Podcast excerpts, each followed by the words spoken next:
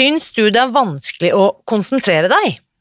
I så fall er du ikke alene. Forfatter Johan Hari har funnet ut hvorfor du ikke klarer å følge med, og hva du kan gjøre for å få tilbake konsentrasjonen.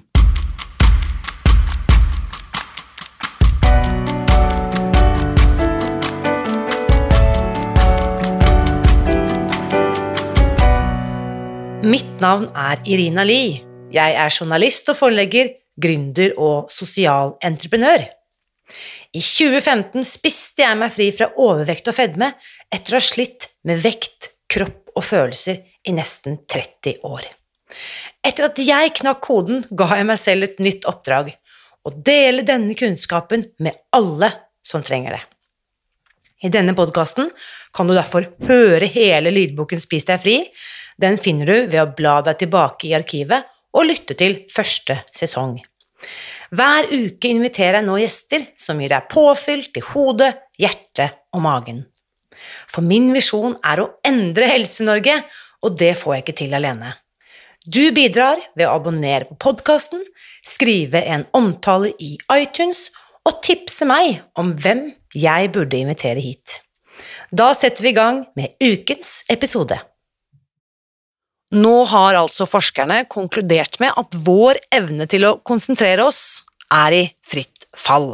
Bare hør på dette. College-studenter i USA klarer nå i gjennomsnitt å holde fokus på én oppgave i 65 sekunder, mens en gjennomsnittlig kontormedarbeider klarer å fokusere i tre minutter.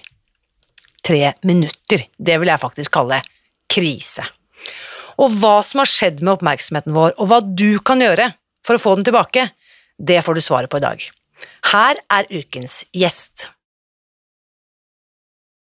Dear Johan Harvey, warmly welcome to the podcast. What an honor. Oh, I'm so happy to be with you. Thanks so much. I, I apologize in advance to you and your listeners uh, and viewers because I'm a little bit. Uh, I've just come back from Norway, literally just come back, so I'm like a little bit uh, brain dead. And I had a, a traumatic experience related to Norway. Can I just confess this, right? Which really haunts Please. me. So, um, a previous book of mine called Chasing the Scream that was about addiction and the war on drugs um, got really championed by an amazing group of people in Norway who are drug formers led by my friend Sturla Hartsgaard. Um, and so I came to Norway lots of times. They invited me to talk about the book. And the last time I was there before this time, uh, I went out on the final night. I went out for a drink with everyone uh, who who went out for a meal with everyone who had invited me, and I thought, you know, what, I'm going to say something difficult. I'm going to be really honest.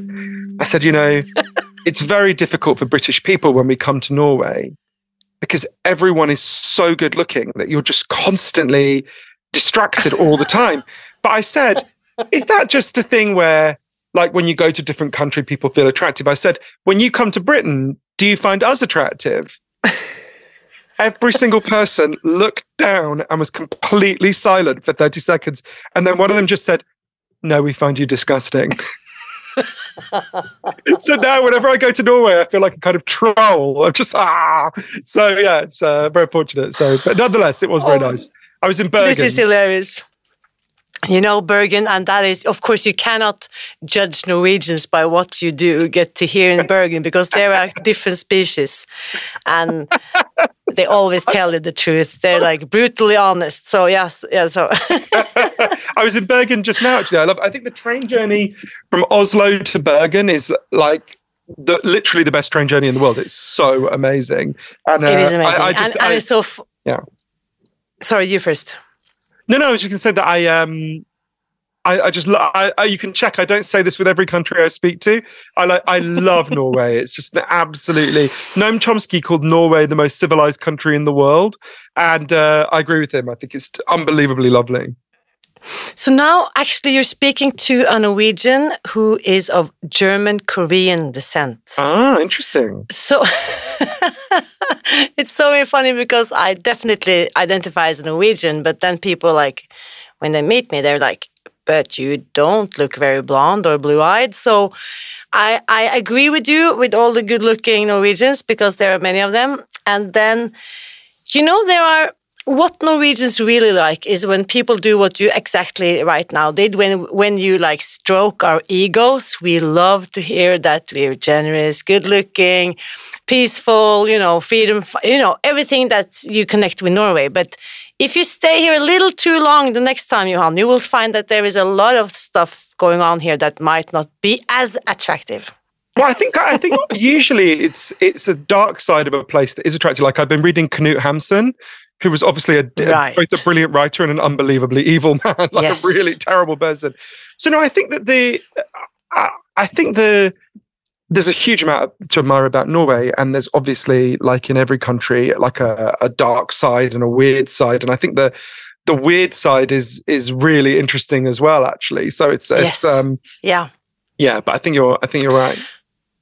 So, I, like, I would love for us to dive into chasing the scream as well, because that is so closely uh, connected to what this podcast and what my work is about. Really, like, spis deg fri, it means eat yourself free from food addiction. So that, like, addiction, like uh, the the big body of work you've done on addiction, is so closely connected to everything that we talk about in our communities. And the funny thing is, I re-listened to your TED talk, which how, I don't know how many million views it has. Like everything you know about addiction is wrong. That has millions and millions of views. I, I recommend everyone who's listening to go and look it up as a TED talk on YouTube. And I noticed that I've been quoting you, Johan, for many years without knowing that it was you I was quoting. Oh. Like what you say there, like the opposite of addiction is not sobriety or the you know um, it um, it is um, connection. And um, just to give us a little bit of your background, tell us a little bit because you're a writer, of course, but you also have a personal history that you take with you into your work. Well, would you like sharing a little bit of your background? Sure. There was um, so I grew up in a family. There was a lot of um, addiction and um, craziness, and one of my earliest memories is of trying to wake up one of my relatives and not being able to. And I obviously I was too young then to understand why. But as I got older, I realized we had addiction in, in my family, and we still we still do. And um, I think, like a lot of people in that position, I was a big mixture of feelings. As I got older, I was drawn to people with addiction problems. Uh, and obviously loved the people I knew who, who, who had addiction problems. I think I was also very angry with some of my relatives. Uh, and I had those kind of um, what I now think of as kind of drug war voices in my head, like why don't you mm. just stop? Why doesn't someone just stop you? Um, and they, they were never the predominant voices in my mind, but they were part of the mix, right? Um, and so as I got older, obviously, it was a subject I thought about a lot. And when I started working on Chasing the Scream, which um, unbelievably to me is 13 years ago now, I, you know, I, I, for that book, I went on a really. All of my books are an attempt for me to solve a mystery, right? There's something I don't yes. understand and I want to figure out. So with Chasing the Scream, obviously I have some ideas in my head at the start. I'm not a complete blank slate, but I, you know, for me, I think of myself as like, you know, Poirot or Miss Marple trying to solve the mystery, right? Um, I love it. It's, up to you whether I'm Poirot or Miss Marple. Um, the um, and so for this, I remember when I started writing the book, I had these these questions that I just wrote out. One of which was, well, what causes addiction and what can we do to solve it? Mm. And there were other things I was looking at about the war on drugs as well. And uh, by the way, Scandinavia, talk about the dark side. I mean, Sweden has a monstrous war on drugs, some of the worst drug outcomes in Europe. We think of Sweden, yeah. um, in many ways, rightly, as this uh, kind of paradigm of social democracy, but has just, I mean, I was really shocked when I went to. Um, to report on it, the World Federation Against Drugs uh, conference in Stockholm, which is this kind of anti-drug war uh, sorry, anti, uh, kind of pro drug war thing that happens every few years. And the the the the, the Russian drugs minister, uh, Viktor Ivanov, one of the most evil men I've ever met. Um, you can imagine how horrific Russia's drugs policy is. Literally standing, literally arm in arm with Sweden's drugs policy. I was completely shocked. But anyway, the uh, so I went on this big journey all over the world, and I got to meet a crazy mixture of people from a and become friends with a crazy mixture of people from a transgender crack dealer in Brooklyn, who's one of the wisest people I've ever met, to a hitman for the deadliest Mexican drug cartel, who'd beheaded 70 people. He's not the wisest person I've ever met. Uh, to the only country that's decriminalized all drugs, Portugal, with incredible results. Um, and I learned a huge amount, but I guess most relevant to to to, to your podcast is I, I learned that I'd profoundly misunderstood addiction and indeed what I thought mm. I had seen right in front of me. You know, if you'd asked me at the start, let's say, let's talk about heroin addiction because that was close to me, right? If you'd said to me, well, what causes heroin addiction? I would have looked at you like you were an idiot and I would have said, well, obviously heroin causes heroin addiction. Mm. Been told mm. this story for 100 years that's become totally part of our common sense. It was certainly part of mine. You know, we think if if you stop, you're in Oslo, aren't you? Yeah, we think yeah. if you stopped the next 20 people to walk past your home in Oslo and you kidnapped them and like a villain in a horror movie, you injected them with heroin three times a day for a month. At the end of that month, they'd all be heroin addicts for a simple reason. There's chemical hooks in heroin that their bodies would start to crave and eventually would become dependent on. And that's what, that's what addiction is, right? The tremendous physical hunger for the chemical hooks in the drug. That's that's why in English another word for being addicted is being hooked, right? Mm, mm. The first thing that alerted me to the truth about this, which is that chemical hooks are real, but they're actually a very small part of what's going on in addiction. there's some, mm, a very mm. small part. Um, First thing that alerted me to that is something wrong with that story that we've got in our heads is when it was explained to me here in Britain, you know, if I step out of this interview now and I step into the street and I get hit by a truck and I break my hip, I'll be taken to hospital and I'll be given a lot of a drug called diamorphine.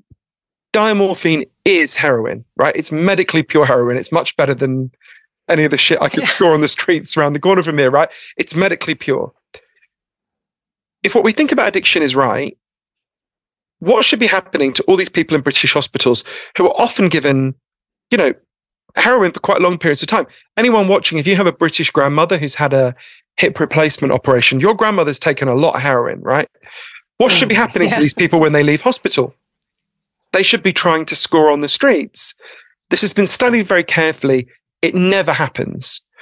Mm. Medical exposure in British hospitals does not lead to addiction. And when I first learned that, I remember thinking, well, that just can't be true. H- how can that be true? How could you have a situation where you have someone in a hospital bed who's given a lot of medically pure, strong, potent heroin? They don't become addicted. And you've got another person in the alleyway outside shooting up actually a weaker form of the drug, and they do become addicted. How can that be?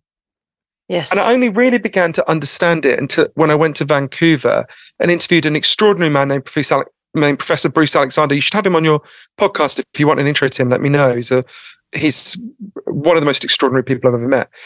And he didn't. I would love that. Thank oh, you. Yeah, yeah. just nudge me after this interview. And Bruce, Professor Alexander, did an experiment in the 1970s that has sort of belatedly transformed how we think about addiction and really led to changes all over the world. So, in the 70s, Professor Alexander, well, I'll say it differently. When I went to interview him, he explained to me that this story we have about addiction, mm. that's caused primarily or entirely by the chemical hooks, comes from a series of experiments that were done earlier in the 20th century. They're really simple experiments. You're, you know, everyone listening could try them at home if you're feeling a little bit sadistic. You take a rat, you put it in a cage and you give it two water bottles. One is just water, the other is water laced with either heroin or cocaine.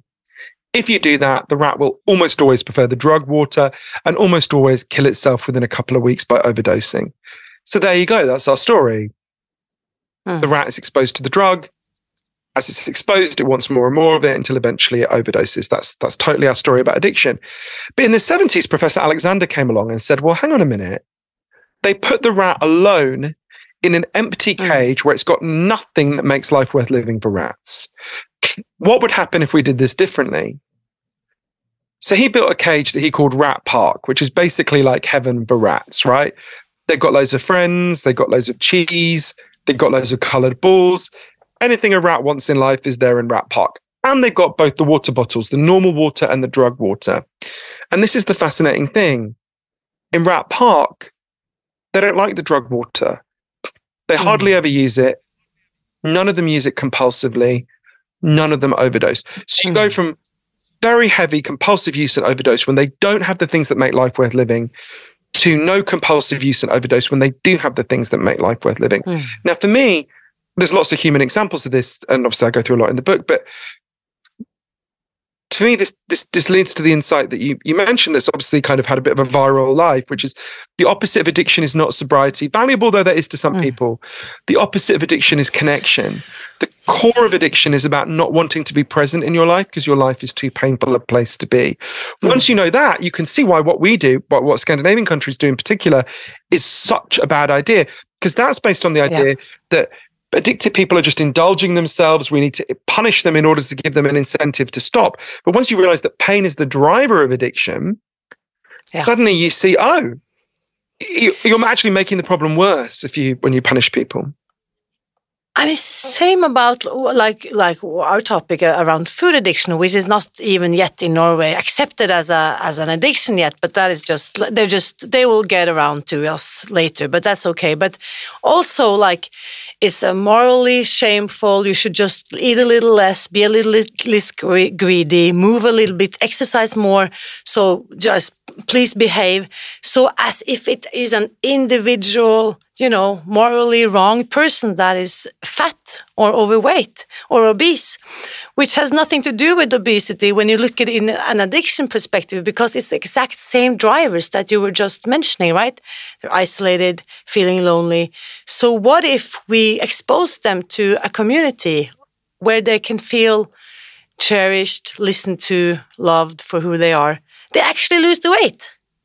It's it's like exactly what you just said it's so important that the um, as a culture, what there are many great things about kind of Western culture, but one of the big problems we have. This is you see it in the most extreme form in the United States, but it, increasingly in Europe. I still count Britain as part of Europe, even though my country went mad. Um, the is what we do is we we and this is true. Of, if you think about the subjects of all three of my books, you know, addiction, depression, and and attention problems, what we do is we take problems which are largely, not entirely, but largely systemic, big, caused by big changes. And then we blame the result of that huge systemic change solely on the individual. And we act like yep. the solution has to be located solely at the level of the individual. Now, there are, of course, things individuals can do, and I'm in favor of individual action. Um, but we also need to solve the problems systemically and collectively. We need to predominantly solve them systemically and collectively. You see that most with the subject of my most recent book, Stolen Focus, where there has been ah, there you go. I like the Norwegian cover. How do how do you say the title in Norwegian? So, so the, the title in Norwegian would be "Stjålet fokus," which is exactly like word for word. Uh, you know, oh. uh, that's funny listening to an American or a British trying to uh, pronounce it based on the letters. They even have a letter that you don't know, the O, but st stolen focus. Let's go with the English one.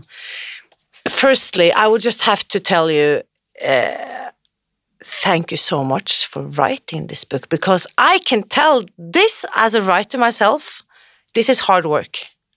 This requires a lot of, you know, personal sacrifice in order to produce this 350 pages of insanely well documented material. So thank you on behalf of so many of oh. us who oh. needed this book. Thank you. Oh, thank you so much. I'm too British to accept compliments. If you ever look at um, whenever the, if you look at pictures of the Queen, videos of the Queen, the late Queen, and not that I'm comparing myself to the Queen here, but that um, where, uh, whenever anyone would compliment her, she would just uh, have a completely blank face and go, "Yes."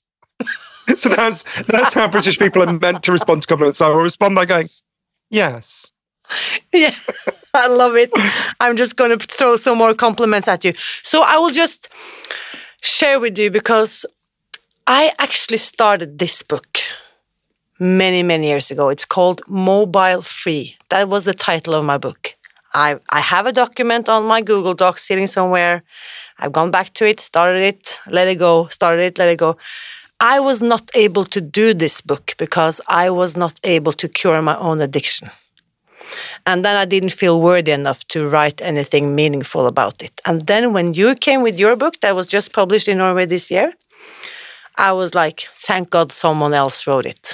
Thank you for doing the work, seriously, because this uh, tell me, like you, you mentioned somewhere in the book that you started it in 2018, and I know that it was published in the UK last year. So four years, more or less, from when you started it until it was published. Could you please tell me why did you decide to um, to write the whole book on attention problems? I noticed that my inability to pay attention was just getting worse and worse. It felt like with each year that passed, things that require deep focus that are so important to me reading books, having proper long conversations, um, you know, even watching films were just getting harder and harder. And I noticed that this seemed to be happening to lots of people all around me, you know.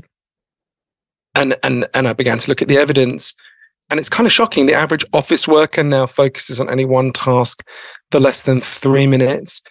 And for every one child who was identified with serious attention problems when I was seven years old, there's now a hundred children who've been identified with that problem. But I've been thinking writing about it for years. And like you, I had a few aborted starts because I was like, well, the reason why I can't focus is obvious. There's two reasons, maybe three. I'm lacking in willpower. I'm not strong enough. Someone invented the smartphone and that screwed me over and i'm getting older. Right? Those were basically the three stories i had in my head. I later realized these were wrong right? Um, or hugely oversimplified. Um, but there was a moment so i was thought about writing it then i would get depressed and get kind of self-loathing and there was a moment i realized i had to write it so i've got a godson and when he was nine he developed a brief but very intense obsession with Elvis Presley. And it was unbelievably cute because he seemed to genuinely not know that impersonating Elvis had become a kind of cheesy cliche. So he would, I think he was the last person in the history of the world to do a totally sincere version of Jailhouse Rock. And one day, um, you know, I was tucking him into bed every night when I would tuck him into bed, he would get me to tell him the story of Elvis's life over and over again. Obviously, I skipped oh. over the bit at the end where he died on the toilet. And um, one day, um, I mentioned Graceland, where Elvis lived, and people go and visit it. And um, his whole face lit up, and he said, "Johann, will you take me to Graceland one day?" Mm. And I said, "Sure," the way you do with, you know, nine-year-olds, knowing next week he'll want to go to Legoland or something. And he and he looked at me very intensely. He said, "No, Johann, do you swear one day you will take me to Graceland?" Mm. And I said, "I absolutely promise." And I didn't think of that moment again for 10 years until so many things had had gone wrong. Um, so when he was 15, he dropped out of school. And by the time he was 19, this will sound like an exaggeration. I promise you it isn't. He spent literally almost all his waking hours looking between his iPad, his iPhone, his laptop.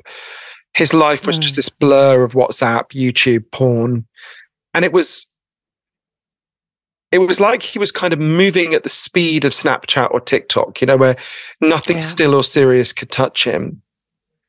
And one day we were sitting just on my sofa behind where my laptop is, where I'm talking to you now. And all day I was trying to get a conversation going with him and I just couldn't. You know, he was just staring at his devices. And to be totally honest with you, I wasn't much better. I was looking at my own devices. Hmm. And I suddenly remember. But like, can I just like, mm. the thought that came into my mind, like that's how I talk with my kids as well, right? But they are doing something meaningless while I am doing something in quotation marks here, meaningful, right? I'm working, I'm doing something, I'm contributing, I'm writing, but he's just, or they are just wasting their life on Snapchat. Is that what your thoughts were, like looking at him, looking at yourself? I know exactly the thing you're describing. I think it was worse than that. I think I knew I was wasting my own time. I don't think I was even deluding right. myself that I was doing something useful. I think I, I, I was watching right. him waste his life and I thought, fuck, I'm doing exactly the same thing. Right. Which is partly why, I mean, maybe why, in that moment, I suddenly remembered this moment when he was a little boy. And I said to Aww. him, hey, let's go to Graceland. Let's, this is no way to live. Let's break this numbing routine. Let's get out of here, right? Let's go on a road trip all over the South. But I suddenly thought us ahead and I said, if we go, you've got to promise me one thing, which is that you'll leave your phone in the hotel during the day. Because there's no point in us going if we're just going to be looking at your phone the whole time. And he took some time and he really thought about it because he wasn't happy with the way mm. he was hmm. living. And he said, you know what? I want to do it. Let's do it. I promise I'll leave my phone in the hotel. Let's do it. And I think it was literally, I think it was two weeks, maybe a little bit more after that, that we took off. We, we went to New Orleans first. And then two weeks after that, we got to the gates of Graceland. And when you get to the gates of Graceland now, this is, this was even before COVID, there's no one to show you around. What happens is you, they hand you an iPad and you put in yeah. earbuds and the iPad shows you around. It says, you know, go left, go right. Every room you go in, there's an image of that room on the screen in front of you, and it tells you a story about that room in your ears. So what happens is this slightly weird effect is everyone walks around Graceland just staring at their screen. I'm walking around getting a bit kind of tense because it's like, oh, we did travel a long way. Why is no one looking at the place? And we got to the jungle room that was Elvis's favorite room in Graceland. It's got loads of fake mm. plants in it. And I'll never forget them. There was a middle aged Canadian couple next to us. And the man turned to his wife and said, Honey, this is amazing. Look, if you swipe left, you can see the jungle room to the left. And if you swipe right, you can see the jungle room to the right. And I laughed out loud because I thought they were kidding. And I just watched them and they were swiping back and, and forward. And I I leaned over and I said, But hey, sir, there's um an old fashioned form of swiping you could do. It's called turning your head because you realize that we we're in the jungle room. You you don't have to look at it on the internet. It's literally all around you. And they looked at me like I was deranged and walked out the room. And I turned to my godson to laugh about it. And he was standing in the corner staring at Snapchat because from the moment we landed, he absolutely yeah. could not stop. And I went up to him and I did that thing that's never a good idea with teenagers. I tried to grab the phone out of his hands and I said to him, Look, I, I know you're afraid of missing out, but this is guaranteeing that you'll miss out. Mm. You're not showing up at your own life. You're not present at the events of your own existence. This is no way to live. And he stormed off, understandably.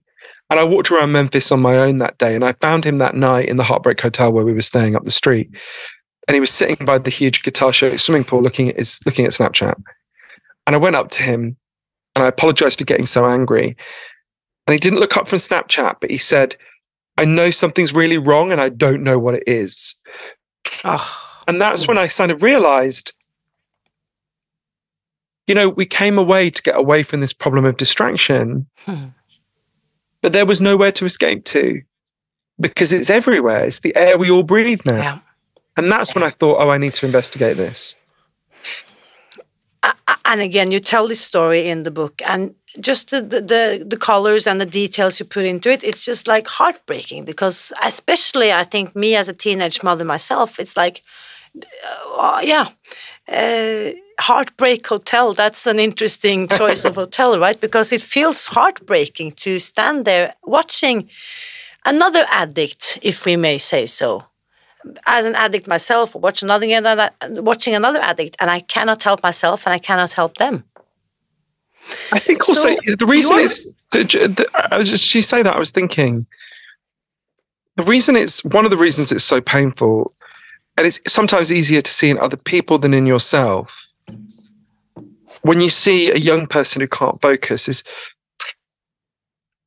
I would say to anyone listening think about anything you've ever achieved in your life that you're proud of whether it's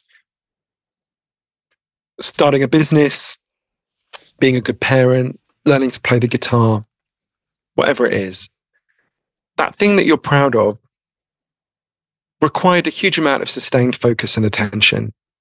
And when your mm. ability to focus and pay attention breaks down, your ability to solve your goals is dim- to, sorry your ability to achieve your goals is diminished. Your ability to solve your problems is hugely diminished. You feel less competent because you actually are less competent right? Um, attention is your superpower. All human achievement requires the ability to pay attention.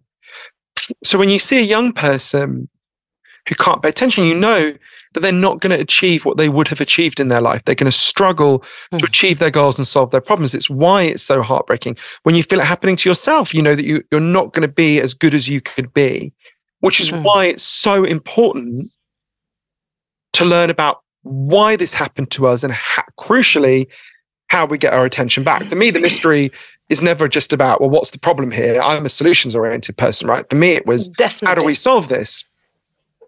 And we are going to get to the solution. I will just throw in like I've been taking notes from morning to evening the last few days while reading the book. It's so like I will just throw in some numbers here. Okay, um, these the numbers you're referring to are taken from US. In the US, an average person touches her or his mobile phone 2,617 times a day. It's actually worse now. That was the pre-COVID figure. Amazingly, oh, it's more God. than that. It's got worse. Oh, and then you have spoken with so many amazing, uh, you know, scientists, including this Danish Sune Lehmann. And I love the fact that he really touches upon what you also, you know, write in length about, like what makes us happy is actually doing something that is a little bit difficult. Um, and then another thing here, uh, yeah, Google, Facebook, uh, Twitter, all of that. It's like I know info has been shared about how these multi-billion companies operate, but the people you have uh, gotten the trust to talk, to, like they wanted to talk to you, the, the knowledge they share is just horrific how these big, huge multinational companies think and use us as their lab uh, and consumer consumer lab, more or less. Yeah, you. So, you, like you're right. You, you Google controls the mind of a billion people, like yeah, a quarter of the population, or like a quarter of the grown-up population in the world. I mean, that, yeah, that's quite. I wouldn't say they control our minds. It's a quote from someone else, but yeah, I think you've alluded to the the. Uh, although it gets an important truth, the the um. Yeah, I think um, to understand these facts, it helps to understand the way I learned this. So, um, when I came back from Graceland, I, you know, decided I've got to try to figure out what's going on here. So I did lots of things, but the main part of what I did is I went on this big journey all over the world, from Moscow to Miami to Melbourne, actually to, to Oslo, and I interviewed over 200 of the leading experts on attention and focus in the world, different aspects of it. And what I learned is there's scientific evidence for 12 factors that can make your attention better or can make it worse. And loads of the factors that can make your attention worse have been hugely rising in recent years. And these factors range very widely. There's some aspects of our tech that are doing it to us, not all. But actually, there's lots of things I'd never even thought about. Uh, the way we eat, something very close to the heart of your podcast, is profoundly affecting our ability to focus yes. and pay attention. Air pollution is affecting our ability to focus and pay attention. The way we work, the way our kids' schools work, there's a very broad array of array of these 12 factors that are doing this to us. But crucially, once we understand these 12 factors, we can begin to solve the problem to some degree at an individual level and to some degree at a collective and social level. But you can't solve any problem if you don't understand what's going on, right? If you don't understand why it's happening, it's very hard to solve the problem. So the key, so I'll give you an example of, um, if it's okay, one of those 12 causes that I think everyone listening and watching will, it'll be playing out to some degree in your life today, different degrees for different people, but I'd be amazed if there's anyone listening where this isn't relevant. I went to MIT, the Massachusetts Institute of Technology, to interview one of the leading neuroscientists in the world, an amazing man named Professor Earl Miller. And he said to me, look, there's one thing you need to understand about the human brain more than anything else. You can only consciously think about one or two things at a time. That's it. This is a fundamental limitation of the human brain. The human brain has not changed significantly in 40,000 years. It's not going to change on any time scale any of us are going to see. But what's happened is we've fallen for a kind of mass delusion. The average teenager now believes they can follow six or seven forms of media at the same time, and the rest of us are not far behind them. So, what happens is scientists like Professor Miller and scientists all over the world, including in Norway, get people into labs and they get them to think they're doing more than one thing at a time. And they monitor them. And what they discover is always the same. You're not doing more than one thing at a time. What you're doing is you're juggling very quickly between tasks. You're like, what did yeah. you just ask me? What is this message on WhatsApp? What does it say on the TV over there? What is this text message? Sorry, what did you just ask me again? So we're constantly juggling. And it turns out that mm. juggling comes with a really big cost. The technical term for it is the switch cost effect. When you try and do more than one thing at a time, it turns out you do all the things you're trying to do much less competently. You make more mistakes, you remember less of what you do, you're much less creative. And I remember when I first heard that from Professor Miller, and I was obviously reading in a lot of detail the studies, thinking, okay, I get it. But this is a small effect, right? This isn't a big thing. Um, and then when you look at the evidence, it's, it's, shocking how big it is. I'll give you an example of a small study that's backed by a wider body of evidence. The printer company, Hewlett Packard, got a scientist in to study their workers. This is a small study, but it's backed by wider evidence. And he split the workers into two groups. And the first group was told, get on with your task, whatever it is, and you're not going to be interrupted. And the second group was told, get on with your task, whatever you got to do. But at the same time, you've got to answer a heavy load of email and phone calls. So pretty much how most of us live. And at the end of it, yep. the scientist, Dr. Glenn Wilson, tested the IQ of both groups. The group that had not been interrupted scored on average 10 IQ points higher than the group that had. To give you a sense of how big an effect that is, if you and me sat down together now and we smoked a fat spliff and we got stoned on cannabis, our IQs would go down in the short term by five points. So being chronically interrupted in the short term is twice as bad for your intelligence as getting stoned. You'd be better off sitting at your desk, doing one thing at a mm. time and smoking a spliff than you would sitting at your desk, um, not smoking a spliff. It, you see the point I'm making, right? Now, I want, yeah, yeah. don't want anyone to get the wrong idea. You'd be better off neither getting stoned nor being interrupted, um, just so no one gets the wrong impression there. But you can see this and lots of evidence is why Professor Miller says we are living in a perfect storm of cognitive degradation as a result of being constantly interrupted. So, yeah, the multitasking uh, illusion, like you also so brilliantly explained. But what made me a little bit like I, I could physically feel my body like sinking together like a depressed potato uh, as I was uh, reading, because, like you mentioned, there's so many factors, so many factors I have no influence over. Like, you know, even our schooling system, and I really love the fact that you dig deep into how kids are not allowed anymore to play how important that is to develop our skill sets. And then I'm, you know, did I do something wrong when my kids turned six and I didn't put them into an alternative uh, uh, schools in the woods? You know, like have have I, as a parent, also lured these kids into? You Do you know what I mean? Like a system that is rigged to really not. It's not for their own best. I mean, I think I would say lots of things in response to that. So that everyone, particularly in a democracy like Norway, has power at two levels, right? We have power as individuals, and there are things we can change in our own lives. And then we have power as citizens to change the bigger things in our society. Now, you can't do that as one person, but you can band together with other people and do that, right? So, for all of the 12 factors that I write about in Stolen Focus that are harming our attention, there are kind of two levels at which we can deal with it. I think of them as defense and offense, right?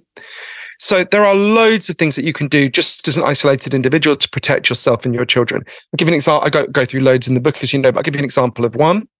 I can show you. This is a. I know some people are listening, so there it is. Yeah, the K, the K thing that you wrote about. have you yeah. have you seen one before? I've never seen one. I was very curious. Okay, now I'm looking at the plastic box with the blue lid. It's see through, and there is a, a, thing, a digital thing on top of it where you can do something. Okay. You take off the lid. Uh, you put in your phone. I, I, need my phone immediately after this interview, so I do it now. But I'll put in this empty can of Coke Zero. Uh, you put on the lid. You turn that dial at the top. Push the button, and it'll lock your phone away. So I'll lock it away for five minutes. Hang on. Uh, oops. So you swirl that little thing on top so that it sets the time like a timer. Exactly. You push and it's now hermetically sealed. It is now. Nothing I can do to get it out. I mean, I could smash it if there was an emergency, but so and then it locks your phone away for however long you tell it to, any time between five minutes and a whole day. Um, I use it three hours a day to to do my writing. I won't sit down and watch a film with my partner unless we both imprison our phones in the phone jail. I won't have my friends around for dinner unless everyone agrees to put their phone in the phone jail. And you know, at first it's really difficult, but I explain to people the pleasures of knowing that we're all going to be paying attention to each other are so much greater than the pleasures of whatever shitty little notification you're going to get from Instagram. And it's really hard for people to do at first. And then about 15 minutes in, they start to feel the pleasure of knowing that people are actually listening to them, right? And that they are actually listening to other people. And, you know, there was a really interesting study by a guy called Professor Michael Posner, who's at the University of Oregon, who discovered if you're interrupted by something as simple as a text message, it takes you on average 23 minutes to get back to the level of focus you had before you were interrupted. So you think, oh, I'll just glance at my text during this dinner. It takes 10 seconds. It's not a problem. But it takes you 10 seconds plus the 23 minutes it takes to refocus your mind properly. Yeah. Yeah. And most of us never get 23 minutes without being interrupted. So there are loads of things like the K-Safe that I go through in the book that I really recommend everyone does literally today. But I want to be really honest with people because I don't think most people who communicate about attention to the public are leveling with people. I am passionately in favor of these individual changes. They will make a real difference to your life. They will not totally solve the problem. Because at the moment, it's like someone is pouring itching powder over us all day and then leaning forward and going, Hey, buddy, you should learn how to meditate. Then you wouldn't itch all the time and you want to go, fuck you, I'll learn to meditate. That's really valuable. But you need to stop pouring this powder that makes me itch all over me all day, right? We need mm. to, in addition to defending ourselves, we need to go on offense against the forces that are doing this to us. Because one thing we need to understand is this didn't happen because you had bad habits or I had bad habits or there was something wrong with your child. This happened because of these huge invasive forces that are in many cases designed to harm our attention. And that sounds a bit, I would have thought that sounded conspiratorial and weird. Mm. Before I did this research, I spent a lot of time in Silicon Valley interviewing the people who designed the stuff that your kids yes. are using today, right? And one thing they kept explaining to me, I'll give you an example. I mean, it was fascinating how guilty they feel. I'll give you an example. There's a guy called Dr. James Williams, a wonderful man um, who worked at the heart of Google. And one day he was speaking to a tech conference where the audience are literally the people who design the stuff you you and your kids use, right? And he said to them, if there's anyone here who wants to live in the world that we're creating, please put up your hand. And nobody put up their hand. Yes. Right? So even the people designing this stuff yes. are sick at what they're doing. And it's worth explaining yeah. why they're doing it then. So anyone listening, please don't right now. But if you opened right now TikTok, Facebook, Twitter, Instagram, any of them, they begin to make money out of you immediately in two ways. The first way is really obvious. You see advertising. Okay, everyone knows how that works. The second way is much more important. Everything you do on this app is scanned and sorted by the artificial intelligence algorithms to figure out who you are and what you like.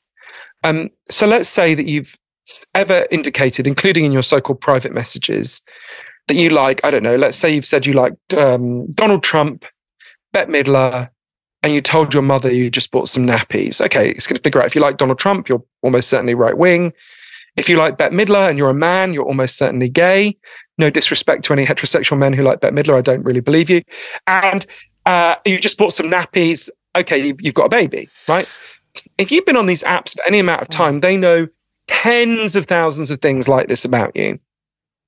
And they're learning that partly to sell the information about you to advertisers, right? You're not their customer. TikTok, Facebook, Instagram, they've got a customer service department. You can't phone it. The advertisers can phone it. You're not the customer. You're the product they sell to the real customer, the advertiser. So yes. partly it's to, le- yes. to help advertisers target advertisers target you, but also, and more importantly, it's to learn what will keep you scrolling.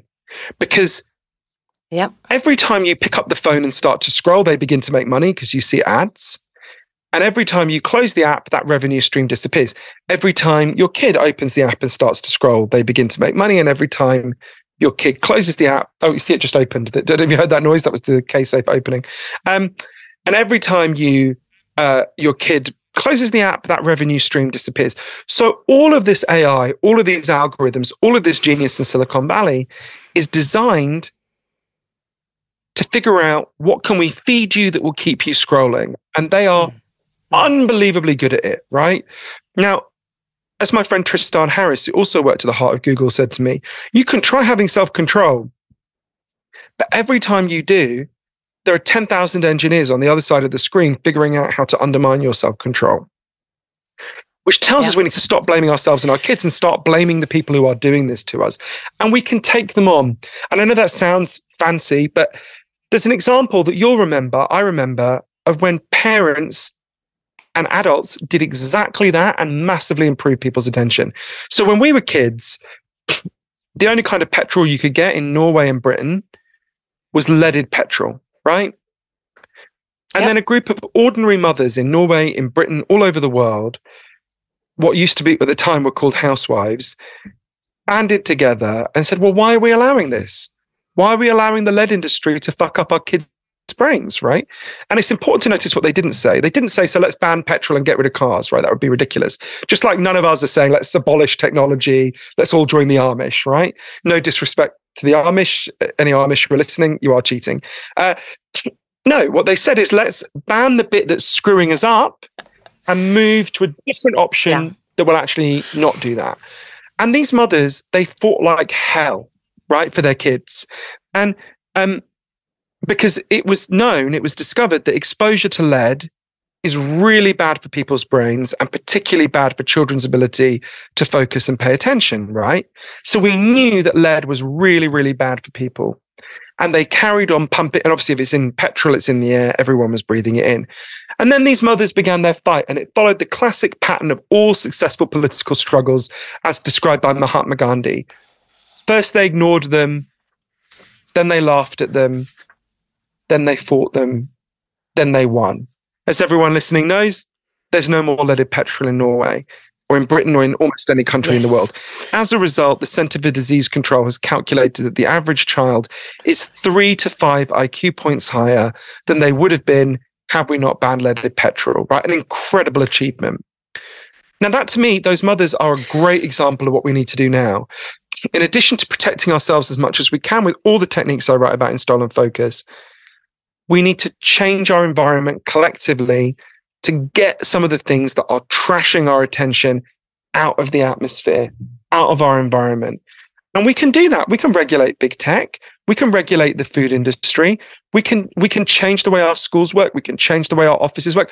I went to places that have begun to do this, from France to New Zealand. These are not science fiction creations; they're real countries. Uh, although France can seem pretty weird at times. Um, you know, they're real. We can do it. Um, but we need to stop blaming ourselves and stop thinking there's something wrong with us and start getting angry with the forces that are doing this to us.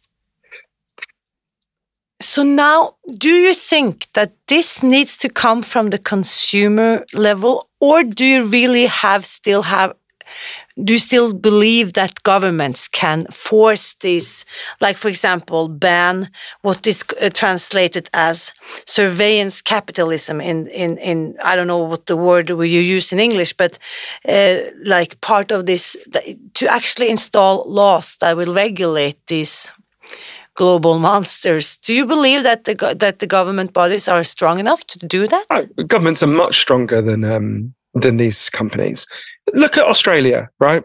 So, uh, three years ago, the Australian Prime Minister, Scott Morrison, who I do not like, very different politics to me, did a good thing and deserves some credit. So, the um, this is happening in Norway, it's happening everywhere. The um, social media companies are bankrupting newspapers and other media organizations because it used to be that you would place an ad in, you know, the local newspaper.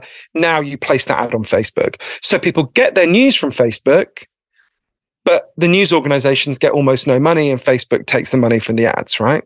And it was bankrupting the media. And you need uh, an independent media is essential for a democracy. So Scott Morrison, to his credit, said to Facebook, look, people are getting their news on Facebook. You need to give some of your profit to the news organizations that gather that news, right? And Facebook went crazy. They shit the bed. They said, we're going to cut Australia off from Facebook, where they cut off key functions. They went mad. And the Australian government held its nerve and quietly Facebook gave in because we are so much more powerful than them, right?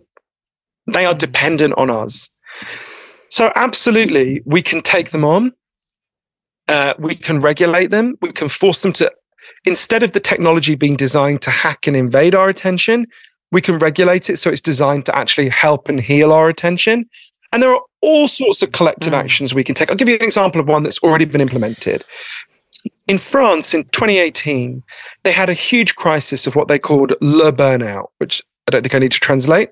Um, and loads of French workers were just getting terribly burned out and they wanted to understand why. So, um, the French government, under pressure from labor unions, it would never have happened if French workers didn't organize, as we're seeing in the news at the moment didn't organize and really fight for their rights. Um, the government set up an inquiry to figure out, well, why is everyone so burned out all the time? Um, and the inquiry discovered a key factor. 40% of French workers felt they could never stop checking their phone or email the whole time they were awake because their boss mm. could message them any time of the day or night. And if they didn't answer, they'd be in trouble. Right? Now, this is an incredibly recent change. Do you remember when you were a child, did your parents ever get phoned at home by their boss when they finish work?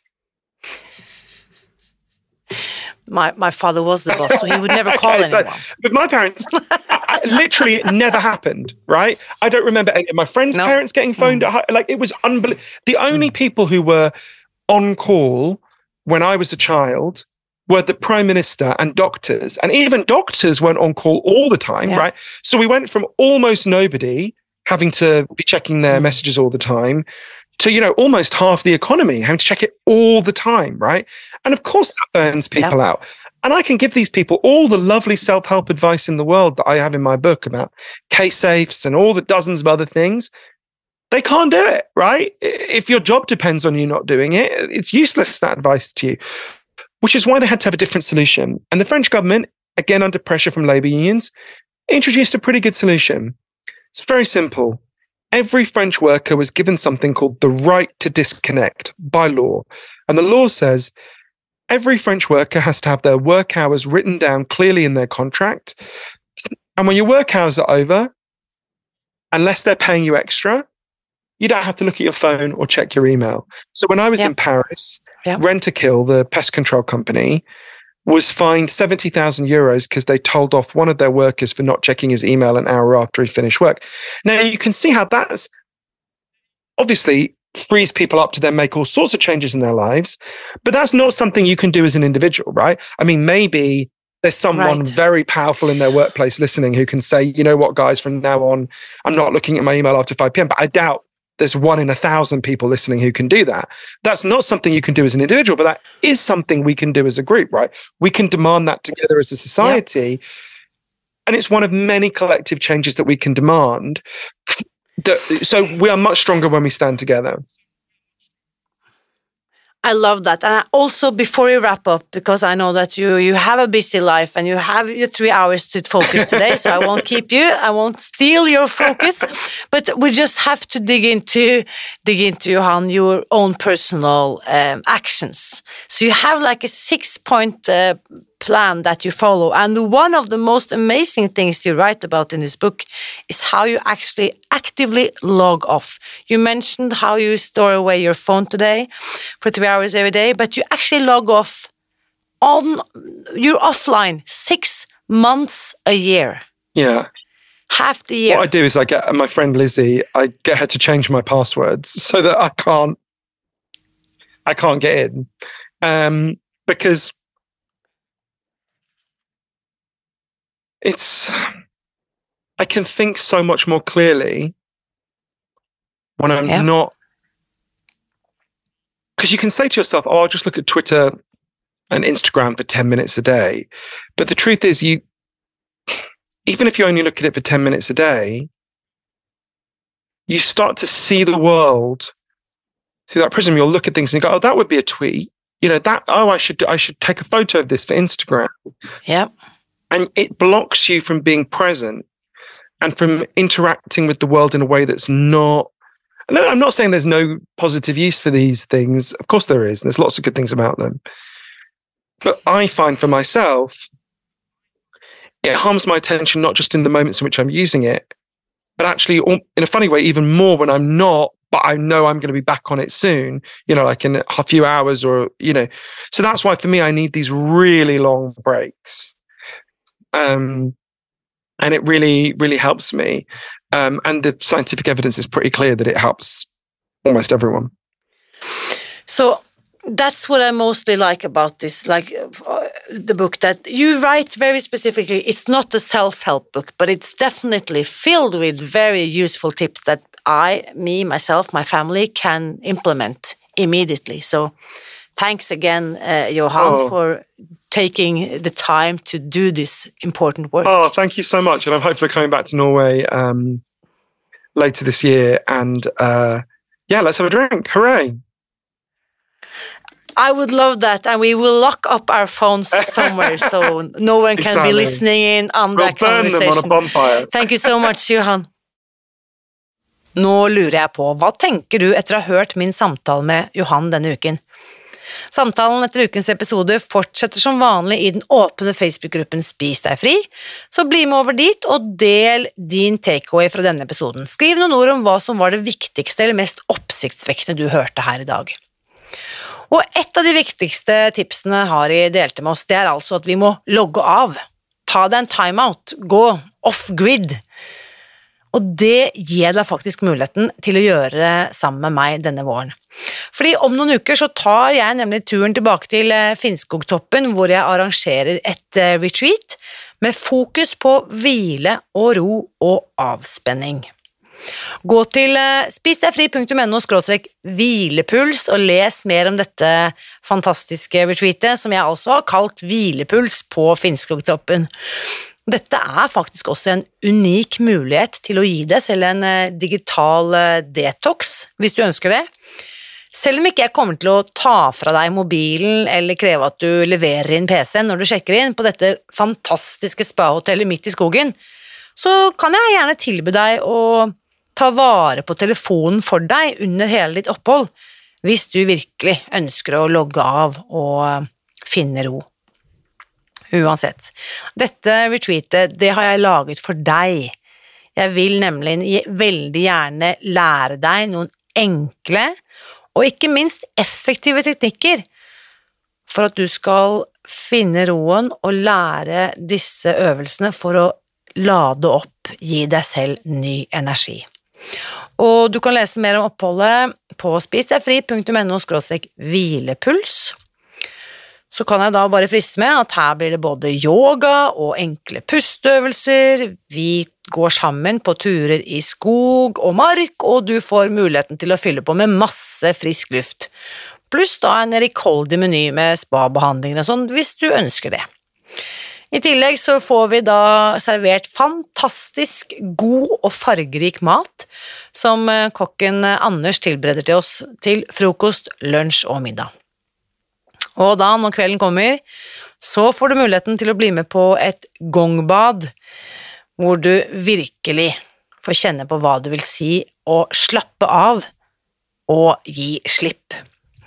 Alt dette og mye, mye mer kan du altså oppleve på Finnskogtoppen fra søndag 28. mai til fredag 2. juni 2023 er det altså. Så hvis du vil være med på tur, så går du nå til spisdegfri.no hvilepuls og meld deg på der. Husk også, uansett hva eller hvem du velger å gi din oppmerksomhet til, så vit at jeg heier på deg. Alltid.